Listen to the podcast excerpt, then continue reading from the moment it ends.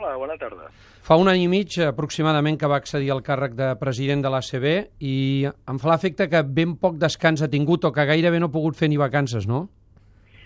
És cert, però no em queixo. Estic molt content d'estar on estic. Queda menys d'una setmana eh, perquè comenci la Copa. La Copa és el millor aparador que té ara mateix l'ACB? La Copa, amb els play-offs, és el millor aparador que té l'ACB ara mateix. Es veu en més de 120 països de tot el món. És un dels grans events esportius que té Espanya des de fa molts anys i, per tant, efectivament, és un event molt important per nosaltres. Temes d'actualitat ara mateix en el món del bàsquet, senyor Roca. El primer tema d'actualitat li hem de parlar d'aquestes negociacions per fer una, no sé com dir una super Eurolliga, una macro Eurolliga, una Eurolliga amb molts equips. Des de l'ACB com s'està vivint?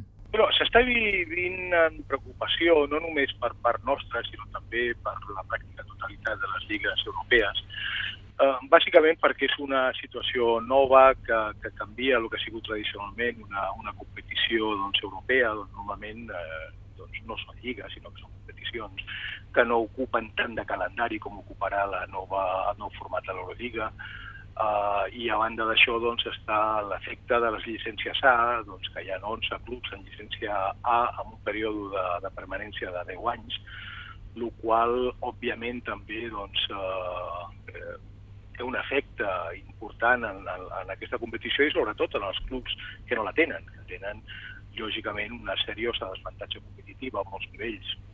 I ens preocupa moltíssim la confecció del calendari com, com podrem fer compatibles un calendari tan llarg ara mateix de l'Eurolliga amb els calendaris que, que tenim, especialment les lligues que tenim a 18 clubs, que en, en Europa són 3, i que doncs, estem treballant i estem mirant tota aquesta problemàtica d'una manera molt coordinada. Recordem que ara mateix hi ha dos projectes damunt la taula sobre una futura Lliga Europea, l'Eurolliga, que ja existeix i que canviaria de format a partir de la pròxima temporada, com deia el senyor Roca, amb un nou format que implicaria una fase regular de 30 partits, i això són molts partits, i d'altra banda la FIBA, que també proposa una nova competició, una nova Champions, de menys partits i que algunes lligues, com per exemple la de Turquia, la de França i la d'Itàlia, ja han anunciat que hi participaran els seus equips, trets dels que tenien llicència a l'Eurolliga. L'ACB mm, encara no s'ha pronunciat definitivament sobre aquesta qüestió. Mm, quan preveu el senyor Roca més o menys que es pot pronunciar i què pot decidir l'ACB? Bueno, certament, això és cert. Eh, vam tenir una assemblea, de fet, en el, el dilluns passat, on un dels punts que vam estar doncs, discutint era precisament l'estat ara mateix de les competicions a nivell europeu. Uh, és cert, nosaltres no hem pres posició, malgrat que hem fet un seguiment molt, doncs, molt proper del que està passant ara a l'Eurolliga, com aquesta possible nova competició que es pugui organitzar uh, la UEFA Champions League, ah, perdó, la, la FIBA Champions mm. League, uh, i, i, i el que li haig de dir ara mateix és que uh, no només som nosaltres, és també la, la Lliga Alemana, la Lliga Russa, uh, la Lliga Adriàtica, uh, som lligues que encara no tenim clar doncs, uh, eh, perquè, òbviament, hi ha un dels, de les ofertes, com és la, la, la Lliga de la FIBA Champions League, o la competició de la FIBA Champions League, que, que encara li queda molt que definir, és a dir, és un projecte que ha avançat, però que encara doncs, està molt lluny de, de, de tenir clarificat tots els seus aspectes. No? Eh, deixem que li pregunti per un altre tema que també ha estat actualitat i serà actualitat, em fa l'efecte els pròxims dies, és el tema dels passaports falsos que afecten un jugador en concret ex del Labrada i un altre ex del Madrid. Poden perillar els títols que va aconseguir el Madrid la temporada passada per aquesta qüestió o pensa que no? Jo no ho sé. Eh, de fet, eh, el que nosaltres hem fet aquesta mateixa setmana doncs, ha sigut personar-nos a, la, a tot el procés que hi ha obert ara mateix eh, judicial per aquesta qüestió i a més s'ha enviat tota la documentació que tenim al jutge únic de la competició perquè recordeu que a les lligues eh, nosaltres no tenim competència eh, sancionadora. Les competències sancionadores les tenen les federacions a través de, normalment, un jutge únic. Per tant, tota la informació que nosaltres tenim des d'aquest punt de vista l'hem enviat al jutge únic i, i, i és ell el que té que decidir com vol doncs, eh, anar treballant aquesta qüestió. en aquest cas el jutge únic ja va decidir sobre un altre cas, que és el famós eh, acció de l'instant replay del Barça-València de la Lliga, i ara està el comitè d'apel·lació.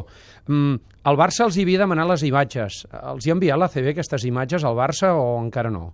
Bueno, el Barça jo el que tinc eh, amb tota seguretat és que el Barça va demanar les imatges al, al, al propi jutge únic.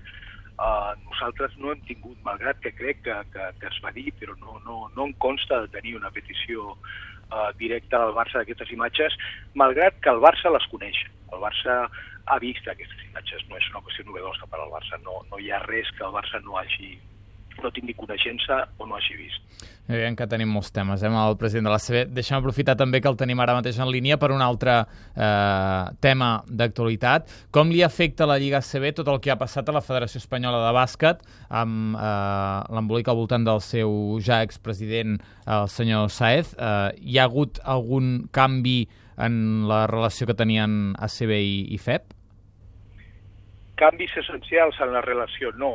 Eh, ens ha afectat eh, com ha afectat de manera, doncs, direm, diguem-ne, extensa doncs, el món del, del, bàsquet. Ha sigut una, una gran sorpresa, uh, una, una, fins a un cert uh, nivell, doncs, una decepció també important de que, de que en el nostre esport doncs, tinguem aquest tipus de problemàtiques i, i bueno, com ara ja sé que, que de fet el, el president eh, Saez convocarà eleccions mm. dins de molt poquet, doncs eh, entrarem eh, d'aquí ben poc en una etapa nova.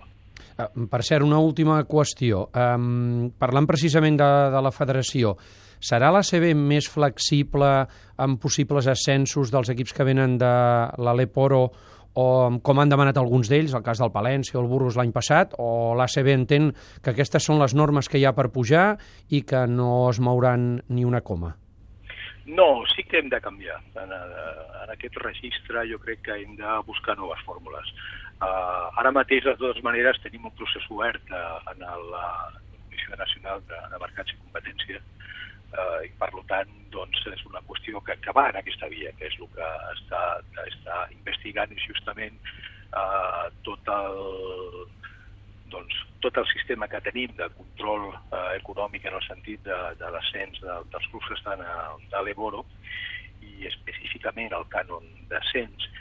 I eh, amb això i fora d'això és una qüestió que nosaltres sabíem eh, que teníem que resoldre. Jo som conscients de, des del minut que vaig entrar, que era una de les qüestions que estaven pendentes de resoldre, i efectivament jo estic convençut que en un futur, no sé si és la, la propera temporada o, o eh, però quasi segur, eh, jo crec que haurem de, de tenir un sistema doncs, amb, amb canvis en aquest respecte. Quin serà l'amplitud dels canvis? Ara mateix no em puc pronunciar, però no, no serà el mateix, d'això estic segur.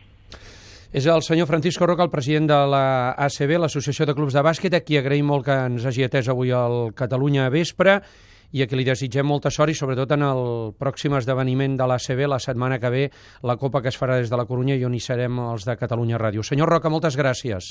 Moltíssimes gràcies a vosaltres. A reveure.